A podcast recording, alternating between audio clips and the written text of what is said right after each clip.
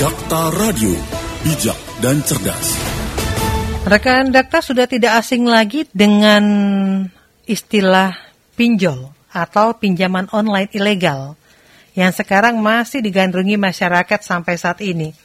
Jadi kondisi ini terjadi dikarenakan salah satunya adalah literasi keuangan masyarakat Indonesia masih relatif rendah.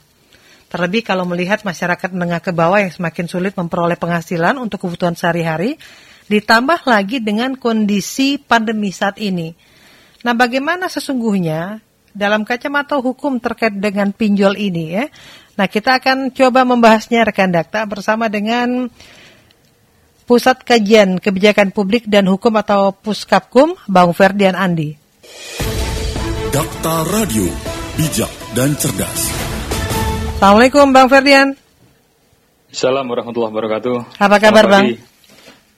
Alhamdulillah baik, alhamdulillah baik sekali. Iya, Bang, kalau Puskapkum sekarang apa yang lagi fokus? Ya, ada beberapa isu publik yang menjadi apa pergulatan pemikiran kami teman-teman di Puskapkum. Salah satunya adalah pinjaman online yang memang eh, apa namanya cukup eh, menyita perhatian kita semua, khususnya di beberapa daerah tempo hari di Agustus kalau tidak salah. Ada dua kejadian yang cukup eh, membuat kita miris ya. Ada ada dua warga negara kita, warga negara Indonesia yang mengambil atau menempuh jalan bunuh diri karena frustrasi akibat tagihan-tagihan pinjol. Kebetulan di Jember dan di Bojonegoro. Ini cukup menyedihkan betul karena tadi betul kata Mbak Syifa situasi kita hari ini sedang tidak baik-baik saja ekonomi kita.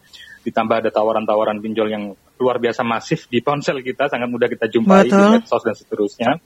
E, ternyata tadi alih-alih orang menjadi apa mendapat solusi jalan keluar akibat e, kondisi keuangannya justru menggali kubur sendiri gitu kira-kira dengan adanya pinjol tadi yang khusus terkait dengan pinjol-pinjol yang tidak terdaftar dan tidak mendapat izin dari OJK. Hmm. Ini cukup mirip dan itu menjadi concern kita karena ini isu publik, isu kemaslahatan publik dan kita harus uh, apa namanya bersama-sama bergerak untuk memastikan bahwa platform pinjol ini harus baik, harus benar dan betul-betul ada atensi membantu publik. Itu itu kira-kira yang dibahas di kita Mbak Syifa. Nah, Bang, ini kan masyarakat khususnya mereka yang bawa mungkin tidak mengetahui kira-kira uh, pinjol yang memang terdaftar atau yang berizin dengan yang tidak. Nah, bagaimana edukasi kepada masyarakat yang perlu kita berikan terkait dengan uh, pinjol ini, Bang Ferdian? Ya, uh, sisi edukasi sebenarnya memang utama dan pertama ketika kita bicara soal situasi hari ini di, di pinjaman online gitu ya. Betul. ya. Tapi kalau kita tarik lebih lanjut lagi, edukasi adalah bagian kecil dari problematik di pinjol. Hmm. Satu bagian dari problematik di pinjol. Problemnya sebenarnya tidak hanya soal edukasi, tetapi uh, sisi-sisi yang lain. Oke, kita kita sekarang masuknya di edukasi. Ini memang jadi pekerjaan rumah besar kita semua, seluruh stakeholder, tidak hanya uh, otoritas jasa keuangan atau asosiasi fintech Indonesia, tetapi kita semuanya, seluruh masyarakat memiliki tanggung jawab moral yang sama untuk memberi edukasi kepada saudara kita, kepada keluarga kita agar tidak misalnya asal pencet, asal share KTP, kemudian yeah. dalam waktu beberapa menit uang sudah masuk ke rekening kita. Itu harus kita lakukan edukasi sebaik-baik mungkin. Tetapi ini kan soal budaya hukum. Kalau kalau bicara soal sistem hukum kan budaya hukum adalah fase terakhir sebelum sebelumnya itu harus ada fase-fase yang harus kita lalui. Apa misalnya pertama adalah fase bagaimana regulasi itu harus baik. Ketika ada budaya hukum yang baik, maka harus ada ada regulasi dulu yang baik. Setelah itu ada aparatur uh, hukum yang baik. Nah, karena ini tadi fase uh, budaya hukum tadi orang jadi faham, jadi ngeh dengan uh, pinjol, itu adalah fase terakhir muncul budaya hukum. Uh, kalau kami merekomendasikan adalah yang utama adalah tadi perbaikan regulasi terlebih dahulu. Ketika regulasi sudah baik, uh, yang kemudian diikuti dengan penegakan aturan, penegakan etik, maka harapannya lahirlah namanya tadi budaya hukum gitu. Hmm. Maka kami berpikir ya uh, kalau bicara soal uh, apa peta besar pinjol di Indonesia kan sebenarnya ini tren yang baru pasca digitalisasi di Betul. industri keuangan kita. Hmm. Hakikatnya hitohnya kan bagus sebenarnya ini kan orang akses uh, inklusi keuangan makin mudah, tidak lagi ribet seperti di bank di bank kan ribetnya minta ampun harus yeah. diverifikasi dan seterusnya seterusnya butuh waktu yang lama. Betul. dan adanya digital ini sebenarnya memudahkan harusnya. Ya, awalnya begitu. Ya tadi misalnya orang tidak terlalu ribet lagi untuk misalnya proses administrasi dan seterusnya. Tapi dalam prakteknya tidak semudah itu. Ada problem ketika sudah orang mendapatkan uang. Maka kemudian uh, problem yang yang utama adalah misalnya penyelenggara pinjol itu tadi soal legal dan ilegal, soal hmm. yang terdaftar dan berizin dan tidak terdaftar dan tidak berizin. OJK sebenarnya cukup eh, cukup uh, masif menyebarluaskan terkait dengan data uh, per bulan mana saja pinjol yang ileg yang legal. Artinya apa? Warga kalau ingin uh, pinjam ya ke pinjol yang terdaftar di OJK, kira-kira begitu. Tetapi sekali lagi kembali kepada soal regulasi. Saya membayangkan begini, regulasi yang ideal meskipun hari ini sebenarnya juga cukup cukup bagus, tapi ada beberapa bolong-bolong yang perlu kita benahi. Misalnya soal syarat penyetoran dana awal e, dari perusahaan pinjol. Tujuannya apa? Kalau yang di awal kan 2,5 miliar. Draft yang terbaru yang kami baca misalnya ada tawaran 10 miliar e, untuk dana awal perusahaan pinjol. Tujuannya apa? Biar establish, biar biar apa namanya e, perusahaan ini tidak dalam waktu lama punya jangka waktu yang lama gitu, lebih kokoh, lebih mapan begitu. Yang kedua misalnya soal bunga, ini juga menjadi problem. Bunga ini ternyata tidak diatur di uh, peraturan OJK, tetapi diatur di internal asosiasi. Kita bisa memaklumi karena ini terkait dengan ya tadi ekosistem yang ada di pinjol ini. Di asosiasi kita baca di kode etik uh, asosiasi Eh, apa namanya pendanaan bersama namanya FPI itu itu di, diatur 0,8 persen bunga dari pinjaman. Dan ini isu-isu ini yang kemudian menjadi perhatian publik soal misalnya besaran bunganya yang tinggi. Yang kedua misalnya identifikasi masalahnya, misalnya yang kedua adalah terkait dengan cara penarikan penagihan utang yang uh, di luar akhlak, kira-kira begitu, mempresor, menyebarluaskan data pribadi kita dan seterusnya. Ini juga menjadi catatan kita. Nah, tetapi sebenarnya hal-hal yang tadi itu sudah diatur di kode etik. Kalau kita bicara pinjol yang legal itu sudah diatur di kode etik. Pertanyaannya, apakah kasus-kasus yang muncul di masyarakat itu adalah pinjol legal dan ilegal atau hanya ilegal saja? Ini yang perlu kita telusuri lebih jauh. Kalau pinjol legal tentu lebih mudah untuk menanganinya. Misalnya melalui eh, komite etik di internal asosiasi itu. Misalnya eh, pinjol A atau X misalnya melakukan tindakan yang keluar dari aturan kode etik ya tinggal dikasih sanksi saja kan. Lebih mudah gitu. Tapi akan lagi lain soal ketika pinjol itu dilakukan oleh pinjol ilegal. Tidak ada tangan asosiasi maupun negara untuk menertibkan ini kecuali dengan cara represif yaitu membubarkan dan menutup aplikasi yang di, dilakukan oleh eh, pinjol ilegal. Jadi pertama regulasi tadi itu Mbak. Jadi perlu kita sisir regulasinya termasuk eh, saya kepikiran eh, bunga 0,8 persen itu kalau bisa ya diturunkan kembali lah karena dengan situasi seperti hari ini alangkah baiknya asosiasi dan OJK bisa berembuk untuk menurunkan bunganya 0,8 menjadi berapa begitu tujuannya ya tadi masyarakat ya terlalu berat dan apalagi situasi seperti hari ini uh, apa pasca covid ini situasi covid ini yang memang uh, cukup memukul kita semua terkait dengan ekonomi kita jadi pertama adalah regulasi harus diperbaiki dan itu saya pikir ada itikat baik dari pemerintah untuk melakukan itu meskipun kita tunggu-tunggu sampai sekarang belum ada yeah. perubahan OJK itu, perubahan peraturan OJK itu, itu Mbak. Iya, Bang, mengapa begitu banyak muncul ya beragam pinjol ini yang mau tidak mau masyarakat juga akhirnya tetap tergiur Bang dengan tadi kemudahan-kemudahan yang diakses, tetapi di sisi lain mereka tidak tahu seperti apa uh, yang akan menjerat mereka dengan pinjol ini. Ya, kalau bicara soal uh, basis platformnya ini adalah basis digital gitu ya mau mau tidak mau maka sebenarnya sudah ada upaya-upaya konkret dari uh, Satgas Waspada Investasi dari OJK dan beberapa stakeholder Polri dan seterusnya.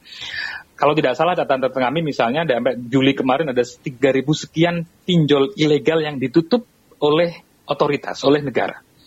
Itu baik sebenarnya, tetapi Mengapa bermunculan terus? Sudah ditutup, ada lagi, ada lagi, ada lagi, dan seterusnya. Ternyata kalau kita cek, ternyata memang dari banyaknya apa namanya eh, pinjol-pinjol ilegal tadi itu, ternyata uh, apa namanya tadi servernya itu tidak semuanya di Indonesia. Kalau server di Indonesia mungkin lebih mudah untuk mengatasinya gitu. Data yang kita punya misalnya ada uh, server itu dari Amerika dari Singapura, yeah. Tiongkok, Malaysia. Bahkan 44 persen masih belum diketahui lantaran penawarannya dilakukan secara pribadi melalui SMS. Sering, saya juga sering mendapatkan SMS tawaran-tawaran pinjol melalui SMS misalnya. Artinya apa? Memang tidak mudah untuk membereskan ini. Bukan berarti tidak tidak bisa, tidak mudah. Maka dengan dengan demikian dengan kondisi yang seperti hari ini yang kita ketahui tadi itu ternyata server-servernya tidak seluruhnya di Indonesia. Uh, harapan kami ya tadi harus uh, bergerak secara uh, masif simultan menggandeng otoritas internasional kalau bila perlu terkait hmm. dengan tadi penertiban aplikasi-aplikasi pinjol yang memang ilegal melanggar aturan hukum di Indonesia begitu kira-kira. Iya. Untuk perilaku masyarakat sendiri, seberapa besar perilaku ini harus diubah agar tadi pinjol-pinjol yang dalam tanda kutip tadi yang tidak memiliki izin masyarakat tidak terjerat, Bang Ferdian? Iya, hulunya kan sebenarnya soal ekonomi kita ya. Bicara yeah. soal hulu, kalau ekonomi kalau kalau masyarakat secara ekonomi sudah mapan, mampu, tentu tidak tergiur ya. Tetapi tadi sekali lagi e, kalau ekonomi kita sudah membaik, harapannya tidak terjadi lagi tadi orang mudah tertipu, orang mudah untuk mengklik aplikasi-aplikasi yang tidak jelas cenderungannya. Yang utama tadi ya mau tidak mau edukasi dan tadi lingkar-lingkar kecil keluarga, teman, tetangga, saudara itu saya pikir menjadi benteng terakhir untuk memastikan bahwa kita jangan pernah terjerat e, melakukan transaksi melalui pinjol ilegal. Karena itu justru menggali kubur kita sendiri. Kita akan frustrasi, kita akan stres akibat e, tadi pinjol-pinjol ilegal yang memang tidak terakomodasi melalui aturan yang yang ada melalui asosiasi kode etik maupun peraturan-peraturan yang ada di uh, hukum di Indonesia ini. Jadi iya. edukasi saya pikir itu menjadi penting. Yang kemudian tadi lahirlah budaya hukum yang baik. Hari ini belum muncul budaya hukum karena tadi uh, tadi apa namanya uh, regulasinya ada beberapa yang bolong. Kemudian hmm. aparaturnya. Ini satu satu hal yang perlu kita mention adalah tidak hanya men, men, sekedar menutup eh, aplikasi-aplikasi uh, yang ilegal, tapi lebih dari itu saya pikir melakukan tindakan pemidanaan terhadap mereka-mereka yang ada di belakang layar aplikasi itu yang yang ilegal tadi itu karena ini sudah melakukan penipuan, sudah menabrak aturan hukum di Indonesia. Saya pikir uh, aparatur aparatur hukum harus lebih tegas, represif untuk menindak mereka-mereka yang ada di belakang layar kehadiran aplikasi-aplikasi pinjol yang jelas-jelas uh, menabrak aturan hukum di Indonesia tangkap hmm. saja mereka dan beli efek jerah. Kalau tidak di efek jerah ya saya pikir akan terus bermunculan seperti jamur di musim hujan. Jadi okay. saya pikir penegakan hukum dan penegakan etik itu penting. Etik dalam konteks ini adalah kepada teman-teman yang tergabung dalam asosiasi. Kalau penegakan hukum ya kepada mereka-mereka yang memang tidak tidak terakomodasi di asosiasi karena memang ilegal dan uh, tadi mereka-mereka yang terlibat, individu yang terlibat ya harus ditegakkan hukum kepada mereka. Hmm. Nah, Bang, untuk pinjol yang berizin ini seperti apa sih? Ya, kalau di, di aturan di peraturan OJK eh, 77 tahun 2016 memang diatur sedemikian rupa bagaimana mekanisme pendaftaran termasuk perizinan di OJK. Misalnya soal tadi saya singgung eh, penyetoran dana awal. Kalau kalau yang aturan sekarang 2,5 miliar misalnya. Dan itu diawasi secara intens oleh oleh OJK termasuk oleh asosiasi. Jadi ada ada ada apa asosiasi di internal eh, teman-teman uh, perusahaan pinjol, mereka berhimpun dan mereka apa namanya ada kode etiknya dan saya pikir saya membaca kode etiknya cukup bagus. Meskipun tadi perlu diawasi juga, jangan kemudian hanya di atas kertas tapi tidak ada pengawasan. Harapannya ya ada pengawasan di internal eh, anggota-anggota asosiasi. Tujuannya apa ya tadi untuk memastikan bahwa hakikat atau esensi pinjol ini awalnya adalah untuk memudahkan publik, untuk memudahkan inklusi keuangan terhadap uh, bagi masyarakat begitu. Nah itu saya pikir pengawasan di internal dan tadi penegakan etik dan penegakan hukum juga mutlak dilakukan agar uh, orang tidak lagi uh, apa namanya khawatir trauma dengan pinjol. Meskipun kalau lihat data ya sebenarnya uh, apa namanya tren penyaluran uh, uang melalui aplikasi pinjol ini cukup tinggi sekali, Mbak Syifa. Kalau kita cek di data sampai uh, akhir Juni lalu ada 221 triliun yang sudah tersalurkan ke masyarakat. Ini ini data yang luar biasa. Artinya apa? Uh, spirit inklusi dalam konteks ini dalam perspektif ini berhasil. Tetapi tadi itu ada ada benalu-benalu yang harus kita bereskan biar tidak tadi mencemarkan citra pinjol yang hakikatnya untuk kebaikan, untuk inklusi keuangan, untuk memudahkan uh, eh, UMKM dan seterusnya. Tetapi tadi dalam prakteknya ada saja benalu-benalu yang kemudian memunculkan menimbulkan polemik di tengah masyarakat tadi itu. Jadi pengawasan dan penegakan etik dan hukum itu mutlak dilakukan agar mereka yang benar-benar ya tidak tercederai oleh cita-cita yang buruk pinjol ilegal ini. Kira-kira gitu, Mbak. Iya. Nah, Bang, seberapa besar akhirnya pinjol-pinjol ilegal ini jika pengawasan atau tindakan uh, apa langkah cepat tidak dilakukan oleh pihak-pihak yang berwenang, Bang? Akan muncul begitu banyak lagi pinjol-pinjol ke depan? Ya, kalau saya lihat data dari Satgas Waspada Investasi sampai uh, pertengahan Juli 2021 yang lalu itu sudah ada 3.365 yang ditutup. 3.365. Cukup banyak ya, Bang? Cukup, banyak sekali, cukup banyak sekali. Tetapi lagi-lagi tadi itu problemnya adalah uh, tidak semua pinjol ilegal ini servernya di Indonesia.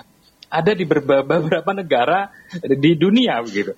Yang kedua, tadi yang paling sulit adalah eh, apa namanya aplikasi-aplikasi ini atau penawaran-penawaran pinjol ini melalui SMS yang tidak basisnya bukan aplikasi misalnya. Ini makin makin sulit lagi tuh melacaknya. Maka saya memiliki bayangan ya tadi sebenarnya tidak ada yang sulit bagi aparatur pemerintah, aparatur penegak hukum untuk melakukan eh, tadi pendidikan-pendidikan ini dan ya harus 100% diberantas lah intinya begitu dan mereka-mereka yang terlibat person-person yang terlibat ya harus di, jadi diberi efek jerah ya harus dipidanakan. Kalau tidak ya muncul lagi aplikasi-aplikasi yang menjerat uh, warga negara kita. Ini yang saya pikir menjadi perhatian kita. Termasuk tadi saya singgung di awal ancaman uh, perlindungan data pribadi kita yang sangat mudah sekali yeah. diakses oleh pihak-pihak yang tidak bertanggung jawab dan akhirnya merugikan kita semua gitu. Jadi memang eh, implikasi dari tadi pinjol predator kalau dalam bahasa saya ini sungguh merusak kita semua. Merusak eh, tadi orang yang bertransaksi melalui aplikasi ilegal, yang kedua adalah perkawanan, persahabatan, persaudaraan menjadi rusak gara-gara citra yang dipersepsikan buruk oleh tadi uh, debt collector yang sangat kasar yang tidak manusiawi dan tadi justru merendahkan martabat kita begitu. Iya. Bang, bagaimana ketika edukasi ini berbenturan dengan kondisi ekonomi masyarakat? Meski masyarakat tahu efek dari pinjol ini, Bang Ferdian. Ya, ini, ini yang kemudian menjadi tadi hulu dari masalah ini sebenarnya adalah soal bagaimana uh, ekonomi kita harus semakin membaik. Hmm. Ketika semakin membaik, maka akan lebih mudah untuk mengedukasi masyarakat. Problemnya kalau kita cek data misalnya uh, apa namanya uh, keberadaan aplikasi pinjol dari tahun ke tahun justru mengalami tren peningkatan iya. gitu ya. Apalagi sekarang pandemi ya, Bang. Betul, ada 404 pinjol ilegal. Dari 2019 ada 1492 dan di tahun 2020 ada 1026 pinjol ilegal. Nah, kalau kita cek data misalnya uh, soal uh, apa namanya penyaluran Eh, uang melalui pinjol, pinjaman melalui pinjol itu memang mengalami tren peningkatan khususnya di masa pandemi ini. Ini yang menjadi catatan kita bersama. Mengapa kok meningkat? Dugaan kita ya karena tadi situasi ekonomi kita sedang tidak baik-baik saja, maka orang kemudian uh, melakukan memanfaatkan fasilitas uh, tadi pinjol misalnya. Hmm. Kalau kita cek demikian, termasuk misalnya ada data dari OJK juga terungkap meskipun tidak banyak misalnya banyak eh, apa namanya jumlah dari kalangan milenial yang memanfaatkan fasilitas ini. Nyoba-nyoba awalnya ya. Bawah umur 16, betul. Banyak sekali beberapa case kemarin saya diskusi dengan teman-teman OJK, uh -huh. ada case yang tadi orang yang apa namanya uh, apa namanya uh, tadi hanya coba-coba saja motifnya, hanya ya iseng gitu loh. Hmm. Tapi akhirnya terjerat juga pada akhirnya kan. Ya, dan ini perlu dicermati juga di kalangan uh, umur di bawah 19 tahun itu ada beberapa tapi sangat kecil, yang agak besar adalah di uh, usia milenial kalangan mahasiswa dan seterusnya ini saya pikir perlu dicermati apa motifnya apakah karena coba-coba iseng untuk beli sesuatu yang mungkin konsumtif sifatnya atau produktif. Ini yang perlu kita kita telusuri kembali untuk menarik untuk lebih teliti lebih lanjut terkait dengan uh, tadi uh, apa namanya customer yang memang diisi oleh tadi generasi-generasi yang sebenarnya uh, tidak dari sisi uang tidak terlalu butuh masih ada orang tuanya begitu. Mereka masih belum belum masih tergantung pada orang tuanya. Mengapa masih mem, mem, mem, mengapa memanfaatkan fasilitas pinjol ini? Ini yang perlu kita telusuri kembali. Mengapa? Apakah karena iseng-iseng saja? Atau memang karena kebutuhan? Ini yang perlu kita telusuri kembali. Iya. Bang ada pertanyaan dari Pak Revan. Dia meneta, tadi disampaikan bahwa uh, perlindungan data. Jadi bagaimana mereka bisa hmm. mendapatkan data kita saya setiap hari mendapatkan SMS uh, pinjol-pinjol yang berbeda. Mengapa data-data tersebut bisa begitu liar mereka terima? Nah, ini yang kemudian menjadi apa desakan banyak stakeholder, banyak uh, apa namanya dari kalangan masyarakat sipil untuk segera kepada pemerintah dan DPR untuk membahas dan mengesahkan RUU apa perlindungan data pribadi yang sekarang sudah masuk prolegnas uh, 2021 di DPR. Nah, karena tidak ada aturan khusus yang mengatur yang melindungi data pribadi kita, maka tadi orang seenaknya membobol data kita. Orang seenaknya menyebarluaskan data kita. Bahkan tempo hari sempat ramai kan data presiden tersebar luas di media sosial terkait dengan sertifikat, sertifikat vaksin. vaksin misalnya. Ini kan ironi betul negara sebesar ini, negara yang uh, luar biasa ini justru bobol dari hal-hal yang sangat uh, esensial yaitu terkait dengan data pribadi. Atau langkah baiknya dan saya pikir tahun ini harus segera dibahas dan disahkan karena ini sangat urgen, sangat mendesak sekali dan sudah lampu merah sebenarnya karena tadi bahkan data presiden pun tersebar lampu merah sekali ini. E, kita membayangkan ya tadi betul kata Pak Revan tadi hampir tiap hari kita banyak sekali menerima tawaran macam-macam lah. Mereka pertanyaannya mereka kok tahu nomor kita, hmm. bahkan nama kita tahu gitu loh. Iya. so akrab dan seterusnya ini kan problem sebenarnya. Ngambilnya dari mana? Artinya apa ya data kita sudah tidak aman lagi, data kita sudah seperti di layar kaca. Orang bisa mengakses, orang bisa uh, melakukan apa pun terkait dengan data kita. Ini yang jadi problem. Maka solusinya adalah uh, tadi segera disahkan RUU PDP dan pada akhirnya nanti harus ditegakkan aturannya. Kalau tidak ya percuma juga. Gitu. Jadi RUU PDB mutlak harus dilakukan. Apalagi kalau kita tarik dalam konteks uh, pinjol ini ya tadi dalam kenyataannya praktek pinjol beririsan dengan pembobolan data pribadi kita. Tadi pola penagihan yang meruntuhkan martabat peminjam dan seterusnya itu kan akibat dari pembobolan data kita. Data kita di phonebook kita dibobol dan disebarluaskan kepada orang-orang yang bertanggung jawab sehingga tadi menagihnya dengan cara-cara yang kasar dan kita dipermalukan di hadapan saudara, teman Betul. dan lain-lain. Iya. Bang Ferdian, apa yang bisa dipesankan kepada masyarakat apalagi dengan kondisi seperti ini serta makin maraknya pinjol-pinjol yang ditawarkan? Ya, saya pikir um, jika memang masih bisa untuk menghindari um, menggunakan pinjol, baiknya dihindari. Jadi mohon untuk hati-hati apa untuk memanfaatkan fasilitas pinjol ini di situasi hari ini dan perhatikan betul berapa bunganya. Uh, bagaimana mekanismenya, penagihannya dan seterusnya. Itu kan ada term of condition ketika setiap orang akan melakukan uh, transaksi di ya, pinjol. Karena ini adalah hukum perdata mau nggak mau ada kesepakatan antara kita peminjam dengan uh, pihak perusahaan. Ini saya pikir menjadi penting untuk dilakukan. Yang kedua adalah uh, uh, baiknya kita bisa mencari informasi yang cukup banyak tersebar di internet, di media sosial, untuk mengonfirmasi apakah perusahaan pinjol ini legal atau ilegal. Hmm. Saya pikir literasi itu menjadi kunci juga untuk memastikan bahwa apa yang kita pinjam melalui perusahaan pinjol ini adalah perusahaan pinjol yang betul-betul terdaftar dan berizin di OJK.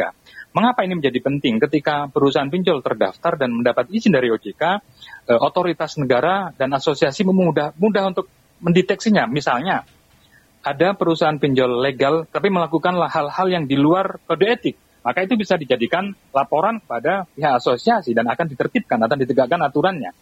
Jadi saya pikir itu literasi menjadi kunci juga dan ketiga adalah ya tadi sepanjang tidak terlalu butuh-butuh amat, baiknya jangan deh, jangan jangan memanfaatkan ini karena tadi banyak sekali cerita-cerita yang tidak baik kita dengar begitu itu menjadi catatan kita bersama agar lebih baiknya kita menghindari uh, layanan ini khususnya terhadap pinjol-pinjol yang memang tidak terdaftar di OJK. Untuk melihat mana pinjol yang terdaftar sangat mudah teman-teman atau warga masyarakat bisa mengakses dengan gampang di uh, website OJK itu update tiap bulan mana perusahaan yang betul-betul terdaftar dan tidak itu ter ada di sana semua. Jadi bisa kita konfirmasi langsung di web yang ada di OJK. Saya pikir itu literasi menjadi penting dan baiknya jangan gunakan deh. Pinjam hmm. ke teman aja kalau memang itu banget. Baik, mudah-mudahan ini menambah edukasi kita bersama ya Bang Ferdian. Betul, betul. Harapannya begitu, harapannya begitu. Baik, Bang Ferdian terima kasih waktunya berbincang bersama Dakta. Sama-sama Mbak Deta, kasih Pak. Assalamualaikum warahmatullahi wabarakatuh. Salam warahmatullahi wabarakatuh. Dakta Radio, bijak dan cerdas. Demikian tadi rekan Dakta kita bersama dengan Direktur Pusat Kajian Kebijakan Publik dan Hukum atau Puskapkum, Ferdian Andi.